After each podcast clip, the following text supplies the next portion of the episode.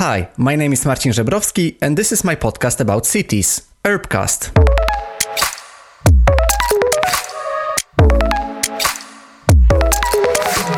Hi, my name is Marcin Żebrowski, and I'm the author and uh, host of this podcast about cities called Urbcast. And I would really, really like to warmly invite you to listen to the first episode of it in English. And today, I will be hosting my friend and urban designer from MandaWorks, Emmeline Lex. Emmeline is Canadian, but she came to Europe a couple of years ago to pursue her master's studies in Sweden in sustainable urban design.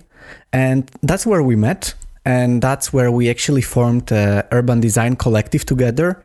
Since then, Emmeline stayed in Sweden and now she's working in Stockholm in MandaWorks. In this episode, we are talking about what does it mean to be urban designer in 2020 and in 2021. What challenges are we having as designers and as well, what does it mean to be responsible for the design of the cities that we are doing in the companies that we are working for? I was curious how Emmeline's professional path developed over the years and actually why she left Canada because Canada Canada is known to be a very good place for for urban planning and urban design in general. And I was just wondering why she left such a good uh, market for for urban design and why she came to Europe. What was her main motives? And is she okay with this decision if she's happy uh, about the decisions she's she she made uh, so far? And how is it to be urban designer based in Sweden right now and actually how it is to be urban designer during the lockdown uh, because I know that Emmeline was working from home, I mean, as many of us, for a couple of months. And to me, the interesting part was how do you design if you can't meet your teammates anymore? How do you how do you lead this creative process of designing if you can't meet in person and if you can't mm, sketch and draw together but you need to base on those online tools as zoom and and other things. So yeah i mean welcome uh, one more time and i invite you to listen to the talk with emmeline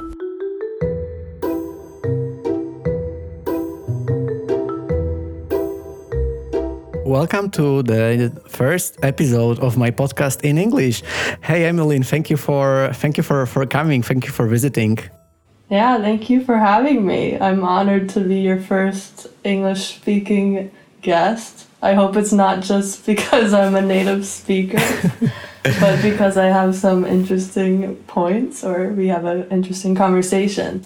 Yes, yes. I mean, of course, uh, I invited you mostly because of your of your story, of your experience as an urban designer. But I'm also very glad that you are here because uh, you are English speaker as well, and you can help me with uh, developing my English skills during the podcast yeah. as well. yeah, well, I mean, it's been probably a while since you've used English a lot. You're now in Denmark. probably speaking Danish all the time. Just kidding. It's still super English. I'm trying. It's not that I'm fluent, but I'm I'm doing my best. But uh, you know, this uh, like the second season of my podcast it will be in English, and I of course want to invite many guests and uh, and speak with to, to, them in English. So it's a good start with you, with a native speaker from Canada who actually spent a lot of time with me during uh, our studies and was able to uh, get to know my level of English. So I hope you will be uh, just understanding me very well, even my even though my English might not be um, in the highest form. yeah, no, I think I understand you quite well nowadays. So I, I would like to start with with you. Basically, I would like to ask you for a short introduction, uh, something about yourself. Uh, can you share it with the with the listeners? Yeah, for sure. Well, uh, I know this is an urb urban podcast, so I'm also in this field. Um, I'm I'm originally an urban planner uh, from Toronto, Canada. And my background kind of started more in this urban planning um, area where I studied in Toronto um, at Ryerson's School of Urban Regional Planning. So that's kind of where I got my footing into the world of urban planning. Mm.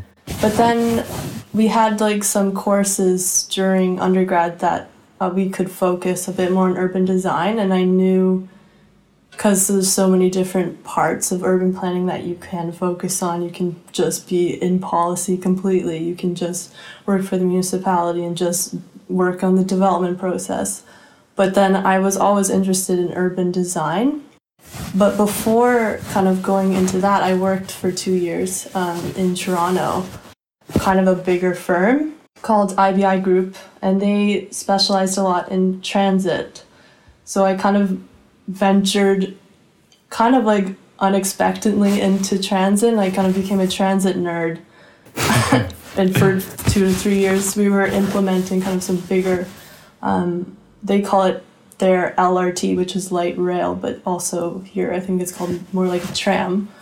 We were implementing um, a major tram project in Toronto, so it was cool to kind of learn the actual process of like developing a, a real like big project like that so I did that for two years, and then yeah, I wanted to kind of solidify some of my urban design skills. So I decided to do a master's, which eventually led me to Sweden, where I met you, and then yeah, now I'm in Stockholm working as an urban designer, and I like it quite much.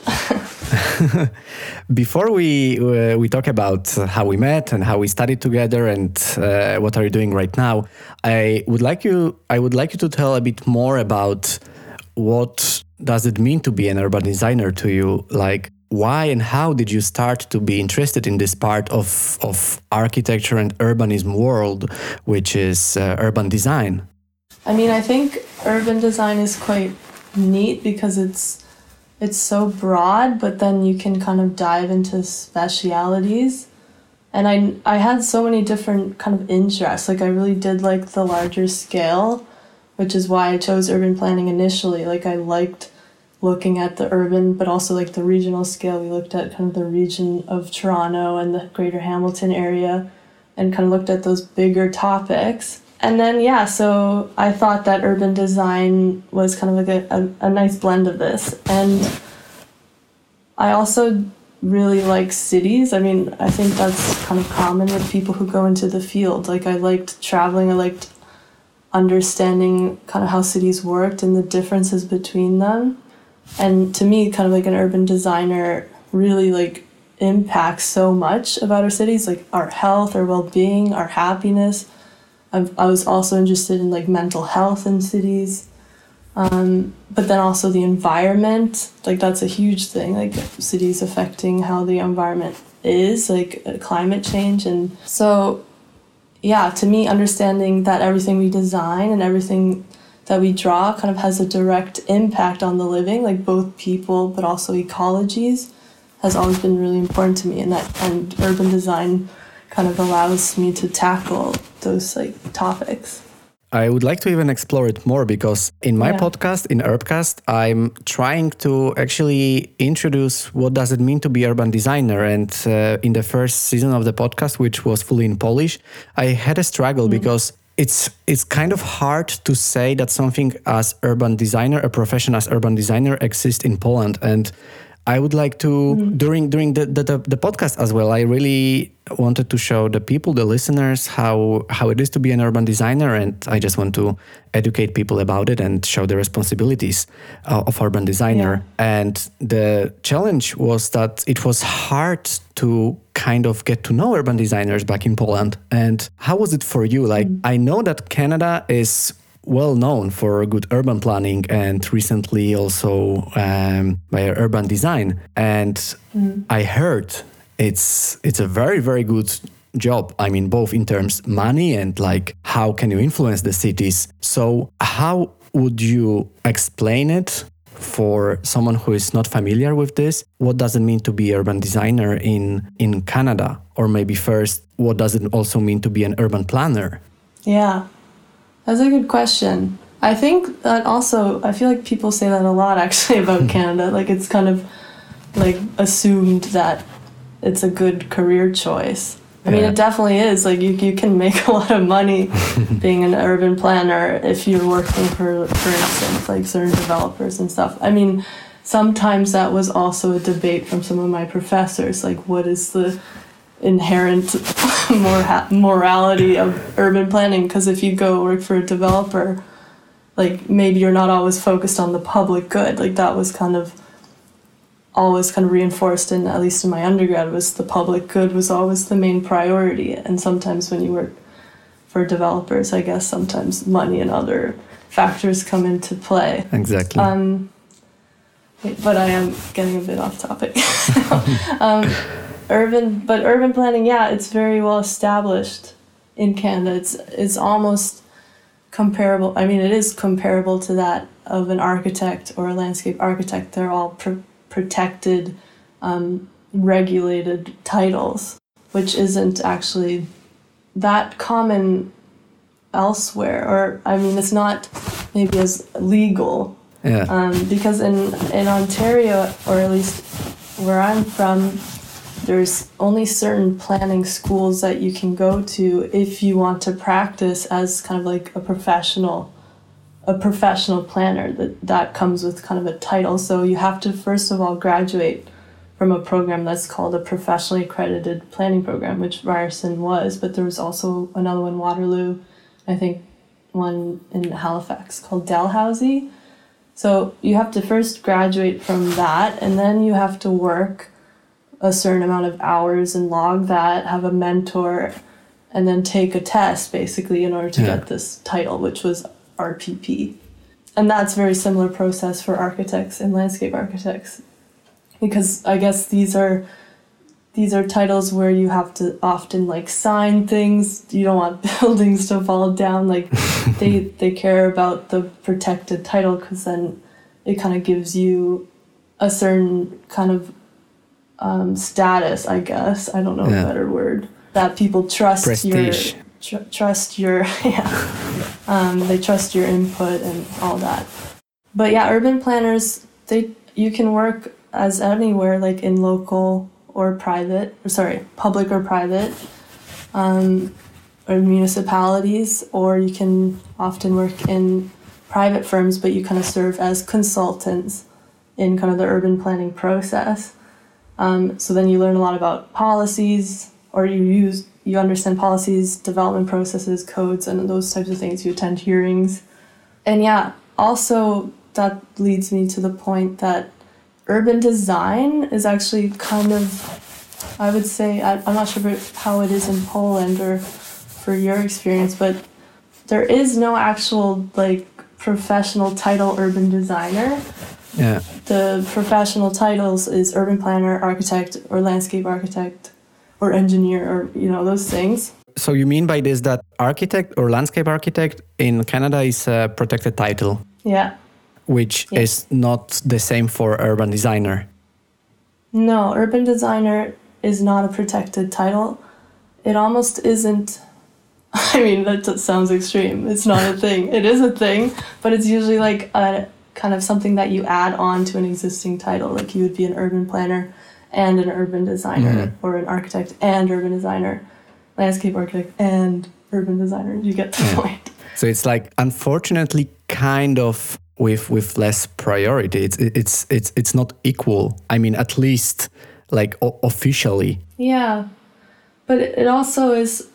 I mean, people do urban design, but in a way, the, that kind of those types of work that an urban designer does here maybe is done by a landscape architect or an architect, and maybe even sometimes a planner. Okay. But in in in kind of bigger firms, it's or the firms like I worked in, from my experience, it's quite common to have like departments. You have the urban planning department, you have the architecture department, the landscape architecture department, and each of them have their own kind of area of expertise and responsibilities during a project. And of course, there's like collaboration between them because you need maybe there's different of course there's different aspects of projects that need to happen. And you need to collaborate to figure out how to do it. But somehow urban design isn't its own thing. It's kind of maybe the meeting ground between the architect Mm. and the landscape architect within their separate departments I really would like to like draw a kind of of a difference or a line between those those professions because they, they are responsible for different things and as you speak about the, the architect someone who is designing the buildings itself who is working with a smaller scale of, of, of architecture and then you have the, the landscape architects who is designing the more of a common space so to say uh, of a landscape of course and then we have this urban planner who is rather designing in this even more even bigger scale so to say mm. and do you think we even can make such a clear division between those those those professions or it's rather that they are overlap this much that it's hard to say yeah. i mean at least in in in canada i think somehow the the division has made sense like just for how like kind of the process works for develop like for developing for instance like when i was working in transit it makes sense to kind of divide things logically like that when it is such a big project like the architects deal with the interior or the hmm. structure mm. while the landscape architect is designing the like the actual landscape more like the plaza yeah. or the, the public space which i think makes sense but then at the same time that always did sort of not bug me but i i remember being like okay i have an urban planning background but what if i want to do more landscape? What if I wanted to do something else that isn't necessarily within the box of urban planning? Sometimes it doesn't feel as like easy to do that. Mm. So I mean that's partially why I've liked Sweden, um, which I guess we, we can get more into. But yeah, there's less silos. Um, I think overall.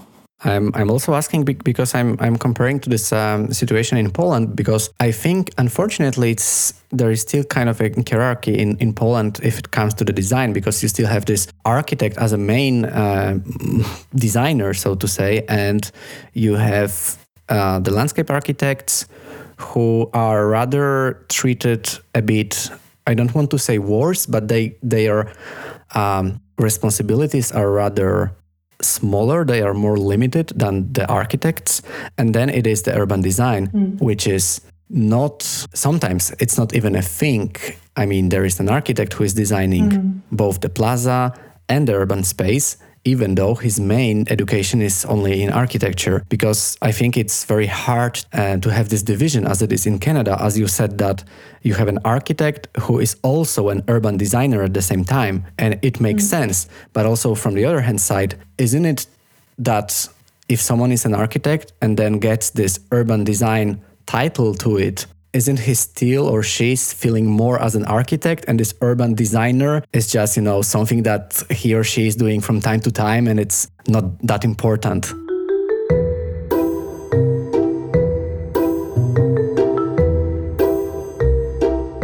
Yeah. No i definitely think that could be the case or at least what i experienced. Actually it seems in canada at least in my in my experience, that it's usually more the landscape architects which get grouped in with urban design. At least at my old uh, firm, it was that way. There was like the landscape and urban design firm. So sometimes it, to me, it gets more lumped in with landscape architecture rather than architects. But architects also are are kind of usually the project managers and they deal with almost everything as well. So yeah, it is a bit tricky to say.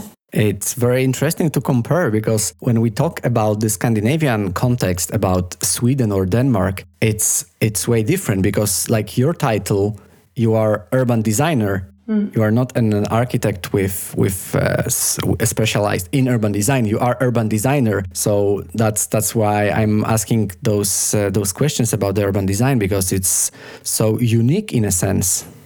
Yeah, and often, do, this is now a question for you too, because if you're explaining to even just people who don't know the field and you say, I'm an urban designer, do you off, how would you explain that to people? because sometimes I feel like I have to say, I'm an architect, landscape, like I'll, I'll throw in architecture there because that is very understandable to people. But as soon as you say urban designer, sometimes we're like, what is that? I mean, I hope that in a future the main answer will be this podcast. So I will be just able to share this episode or other episodes of my podcast and and explain it in this way uh, to someone who is wondering what does it mean to be an urban designer. But answering your question, it's it's hard, especially when you talk with uh, someone in Poland. And if I try to say what I'm doing as urban designer, I'm often saying that I'm doing architecture, but in a large scale. But it's kind yeah, of yeah that's very i say that too. But it's sometimes not the true because often in architecture the, the client might be the private the private company the, the private owner. Whereas often i think that the work that urban designer is doing should be for the public good for the public realm and it should be often connected more toward uh, more with working for a city council or the municipality. That's that's what i feel. Mm.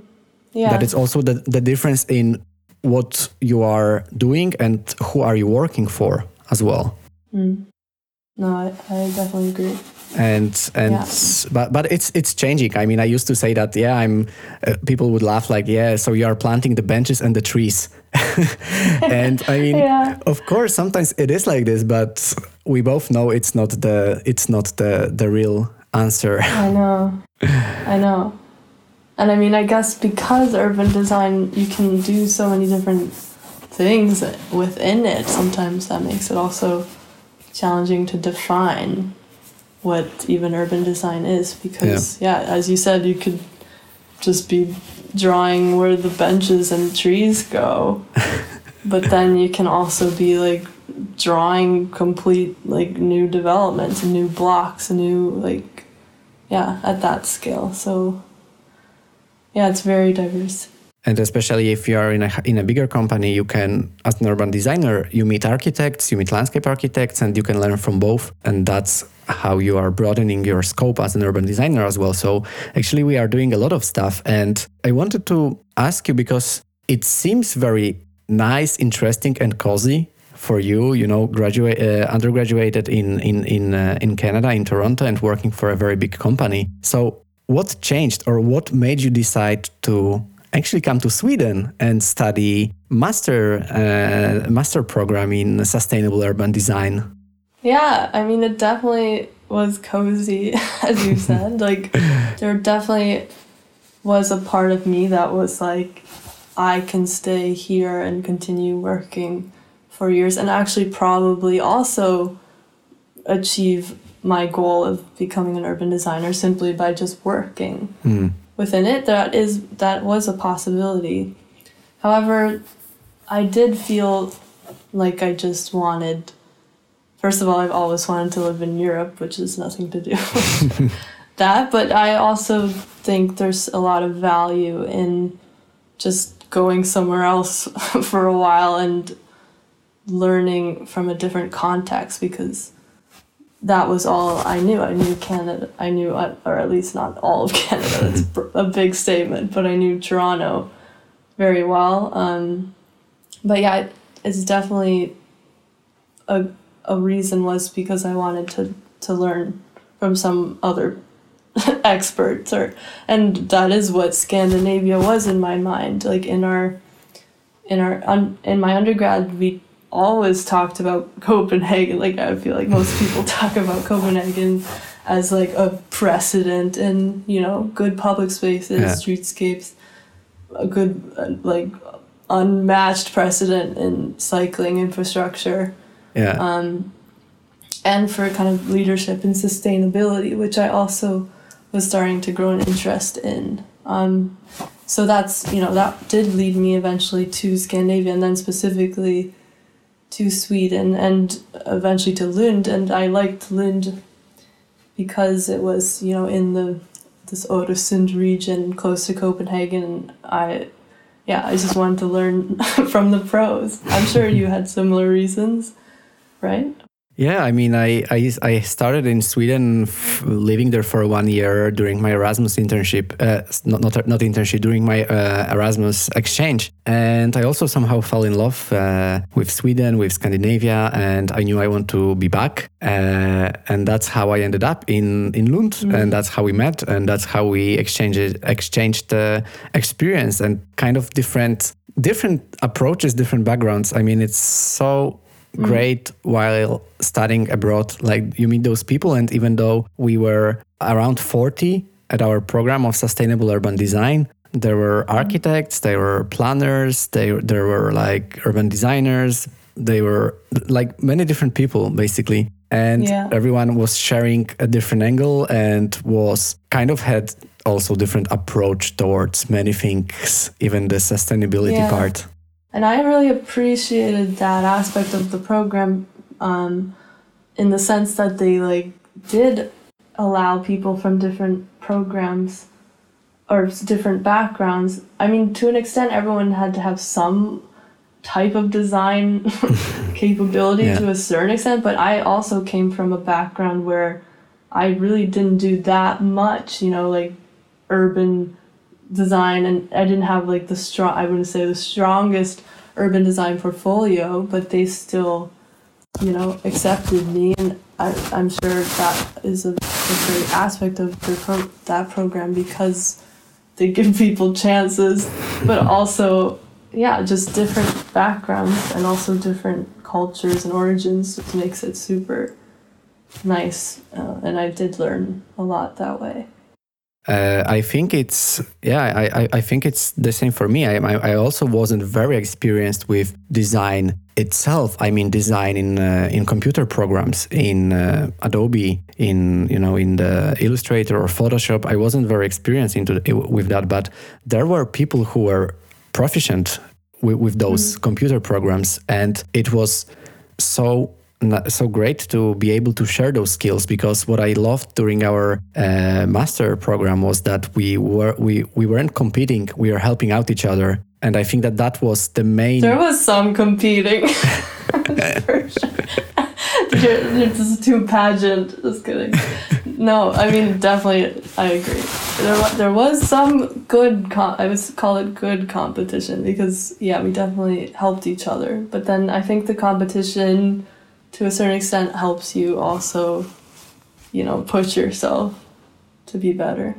Yeah, I mean, you are breaking my ideal image of the of the cooperation that we had during studies. But I mean, of course, it's true. Like you need to motivate each other, but it wasn't like unhealthy. No, exactly. Uh, especially that it's it's interesting because during our master's master program we didn't have any um, any marks. Yeah, that always shocks people when I tell them that. So you didn't Yeah. you didn't you don't get a grade after you present your final your final project that was very very different than than uh, in uh, in other places. And I still think that this kind of spirit of cooperation helped us all. And we were able to find very nice opportunities in internships or works uh, or work in, in, in different companies. And following your urban design path you ended up in stockholm uh, in a very good and well-known uh, office mandaworks and i think that i can speak for my listeners too we are curious about how it is to be a part of, of, of mandaworks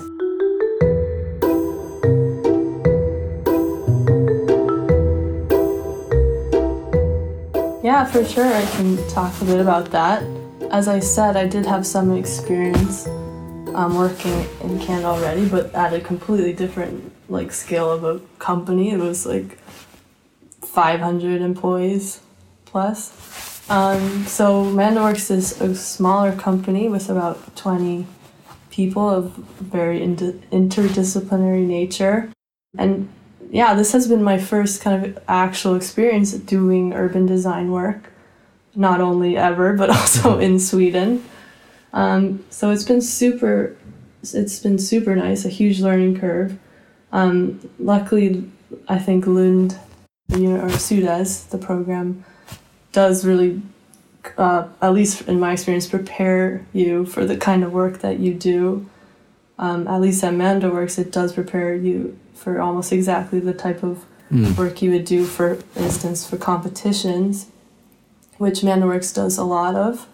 So, you know, making master plans, explaining a concept, but then diving into details, drawing sections, making renderings. All those things are important in general for urban design, but then also um, really helped helped me, I think, get into Mandaworks. And Mandaworks does so many different um, projects across the world. So that's also been super interesting. I've been working a lot in Eastern Europe, which is very also interesting because I'm not Eastern European. But you like it. Been, I You've do. been to Warsaw and you need to admit that you like it. I do. I actually do. There's like a grittiness to it, and I mean, the context is always super interesting, I find. And, you know, we always do somehow implement a sc- Scandinavian touch. So, you know, that is something. Yes. yeah, it's been super nice. Can you can you also tell tell us what are you uh, responsible for like while working or is it mostly doing some competitions or is it uh, doing um, some other things? Yeah, I mean back to the title saying like within the group of people there are specialties. Some people are more um, have a better background in it. For instance, in like renderings and image making. So sometimes they specialize in that or doing more three D work. But what I do really love is that in most days actually everyone's doing everything. so there really is not like too much division. Everyone is I mean, I was also an intern for a year and, and I told the part the partners this that I what I really appreciated was that you know the intern wasn't just the which I think sometimes happens isn't just the what what's the word like they don't just produce they're not oh the, they're not the production monkey. They actually get to or at least like for me it was nice that i got to you know sit in and actual pro- provide design ideas like sit around the table sketching. Like we all are participating in the design and concept creation I think it's a, an advantage of Scandinavian offices in general because I can relate to this while being an intern right now at Henning Larsen. I'm also feeling a part mm. of the team, and even though uh, I'm an intern, it doesn't mean I I can't share my idea with the team, and maybe my idea is the best one. Who knows? So I, I think it's like this Scandinavian approach in design, which is something I, yeah. I really like as well. Yeah, uh, honestly, it's quite like I mean, of course, there are always hierarchies that exist, but it does generally, you know, the feeling of hierarchy isn't super present in the sense that when yeah, this design process is very open to any idea, any on all ideas, and yeah, most days, you know, it's it's just a mix. I have been working on competitions, which maybe you relate. I think competition work is usually much more I find it very fun, but then it's also very intense at the same time because you need to produce a lot in a shorter amount of time. Um, but I have been working also kind of mixed in with some commission work in Stockholm and Swedish projects, which those tend to last, you know, very long, yeah. almost like could be decades. So the work there is more kind of steady and even. Yes, no two days I would say are the same. Some days I'm researching the site or you're meeting with our collaborators, or sometimes you're coming up with the concept and doing diagrams.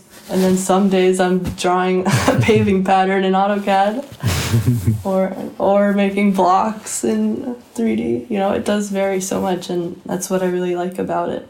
You mentioned very big challenge in being an urban designer because I feel that often our work is stretched you know in in decades. So what you design nowadays especially if it's a bigger project a master plan so if you design the whole neighborhood you know it might be 40 50 years. I mean if it's a big project before the whole master plan is finished. And it's it's such a huge and kind of a distant feeling because you you can't even imagine it being you know finally built and done. And yeah. i think that we both somehow try to cope with that feeling to have this more joy as well and earn and even more challenges than in the work time. And we are both uh, co-founders of urban 10 collective which is an urban design and architecture collective. Uh, and i would like you to say something more uh, to to say something more about it and share a story behind this uh, the creation of our collective.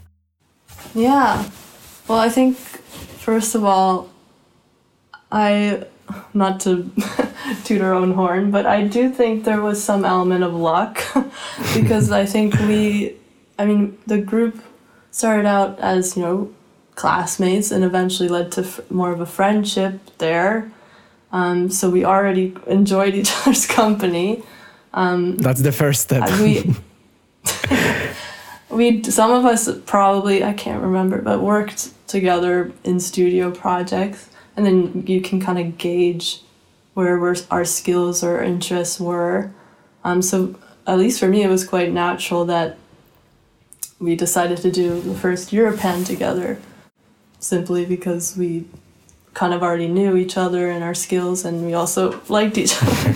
so then, yeah, and then that's even better luck that we didn't end up completely hating each other after it.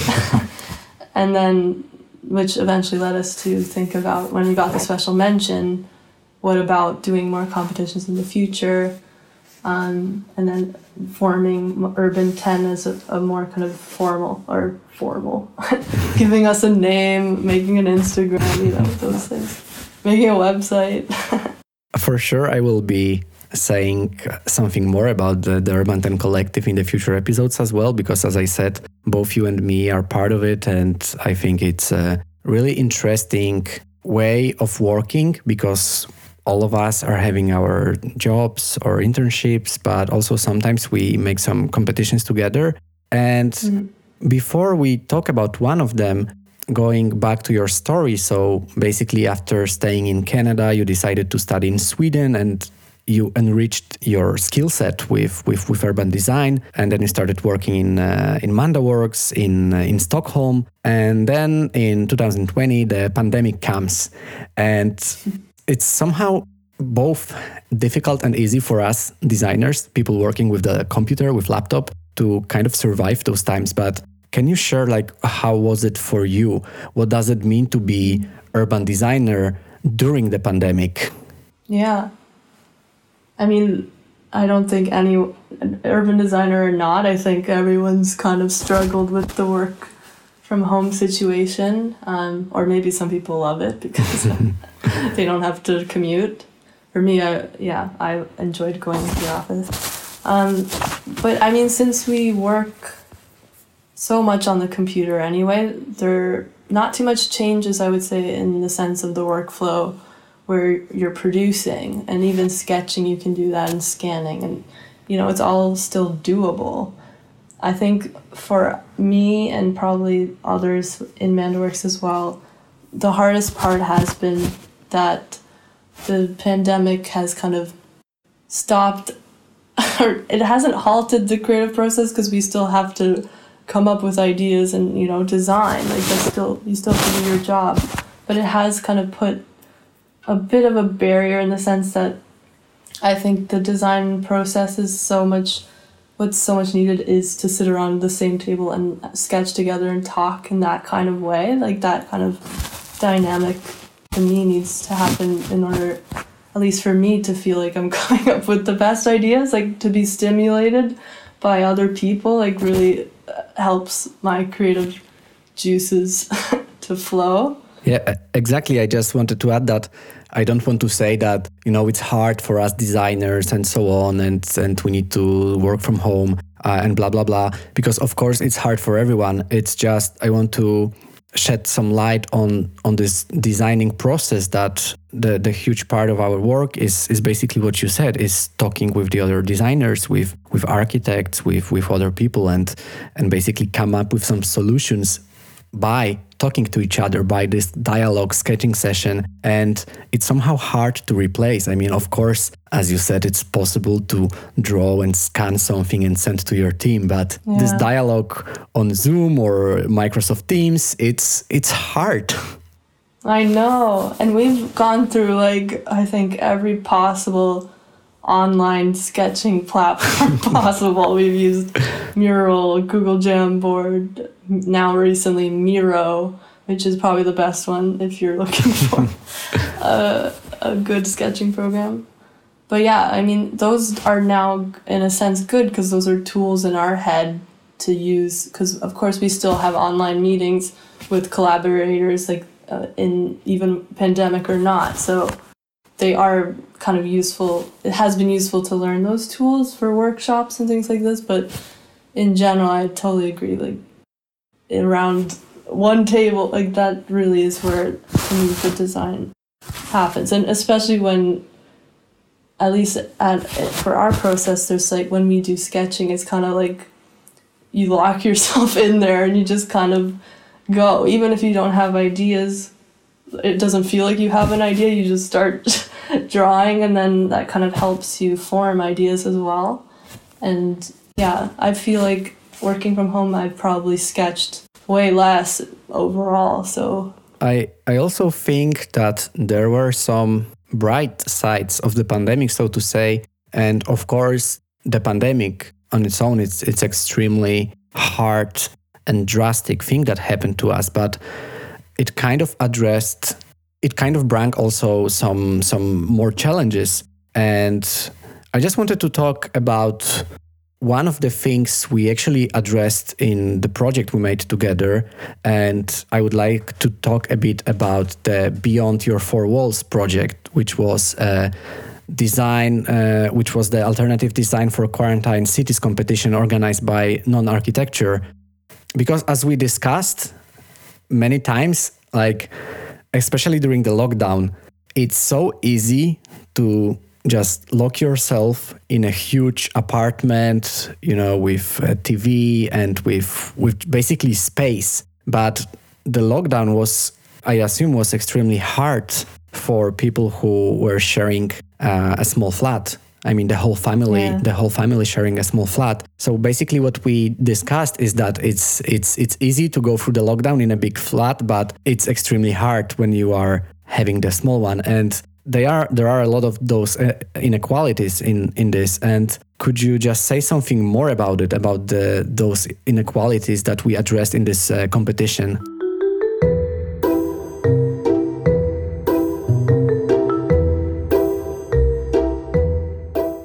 Yeah. I mean for sure. I think that was that's kind of always been the the thing that's been a bit challenging is when you know the celebrities or whatever come and say you know stay home like don't leave. But i mean they have i don't know their mansion pool with their own personal chef. Yeah. so it's like a different kind of scenario when i mean even i'm more fortunate than others as well. Like i do share a flat but you can start to appreciate when you kind of think you think about the like the pandemic doesn't recognize socioeconomic factors so you know people who don't have the the highest income like they are affected the most.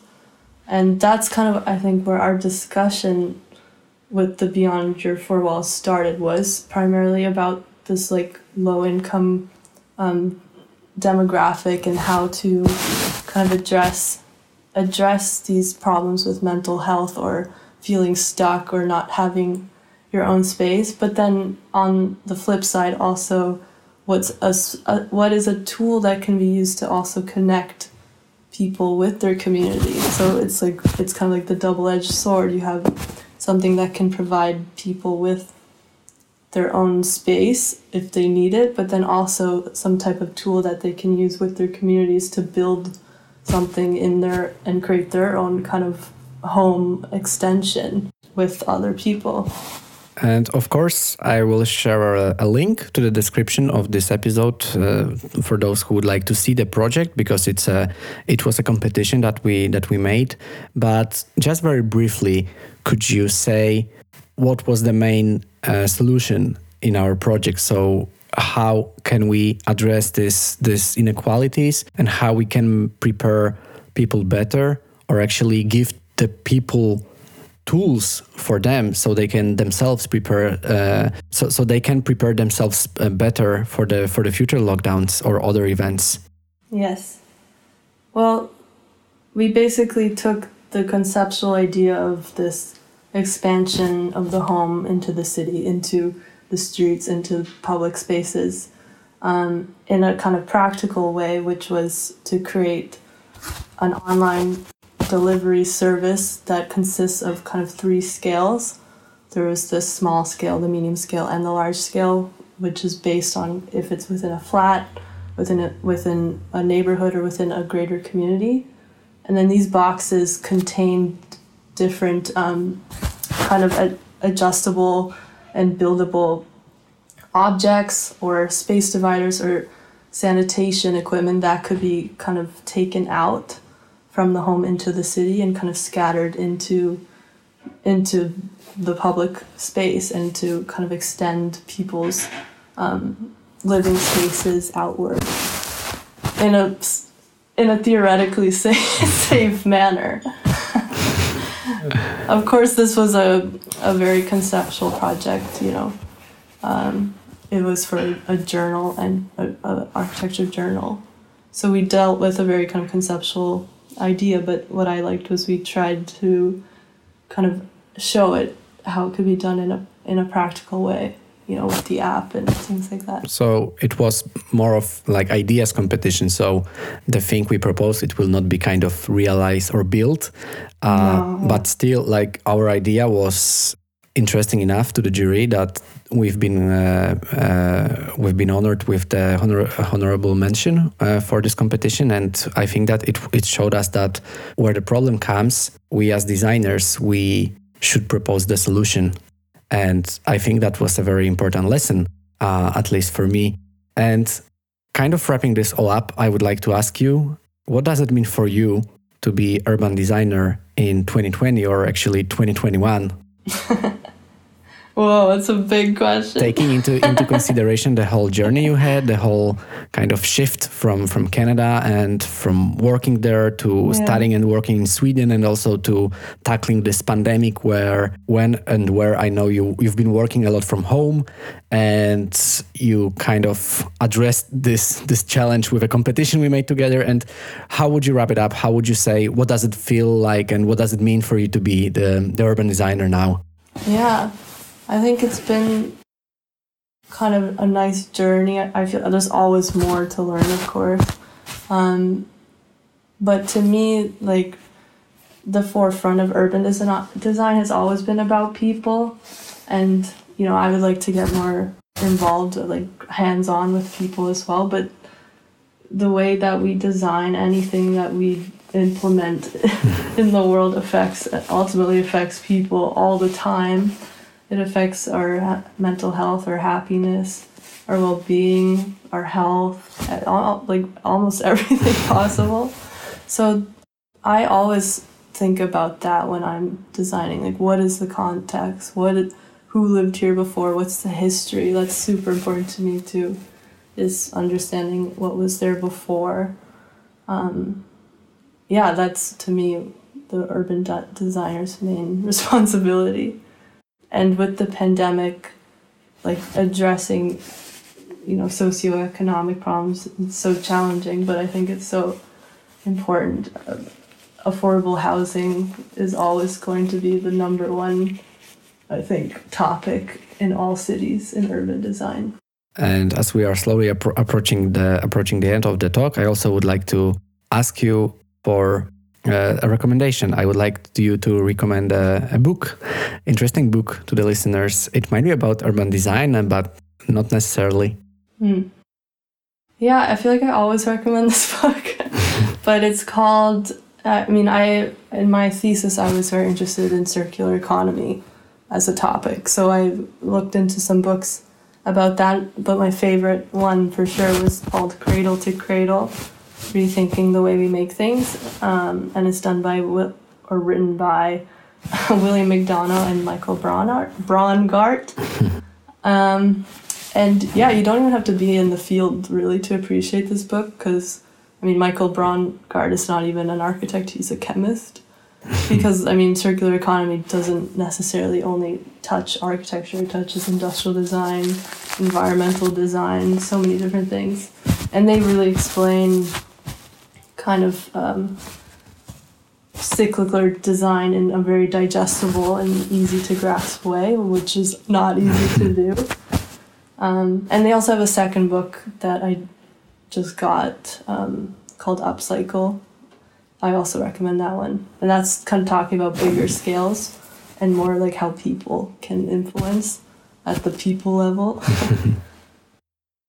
yes. And where can the listeners follow your professional work online? Um, they can follow Urban 10. I, that's generally where we post uh, most of our, our work. So Urban 10 Instagram and website, which I'm sure you'll link. or that you, if you want to follow me um, just personally, you can follow me on my link or add me on LinkedIn and uh, we can chat there. Of course, I will. I will add those links so anyone interested in getting uh, to know something more about you and your work uh, is welcome to to contact you.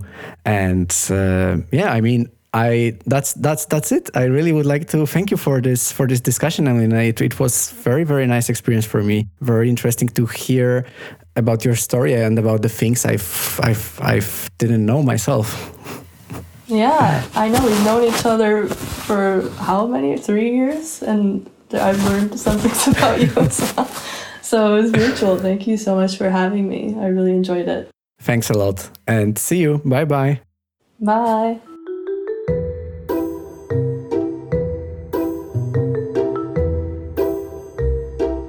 Thanks for listening to the first episode of my podcast about cities in English. And I hope that you enjoyed my interview with Emmeline. And I also hope that now you know what is urban designer doing and and what does it mean? How does it look like to be urban designer in uh, 2021 or 2020? I mean, in general, in those hard times of pandemic and and so on. If you liked listening to this podcast, feel encouraged to like my fan page on Facebook or follow me on Instagram and just to share this episode with your friends. Thank you for listening to this episode, and I hope that you enjoyed it. Next week there will be episode in Polish, but we see each other, or rather hear each other, in two weeks. So see you and thank you.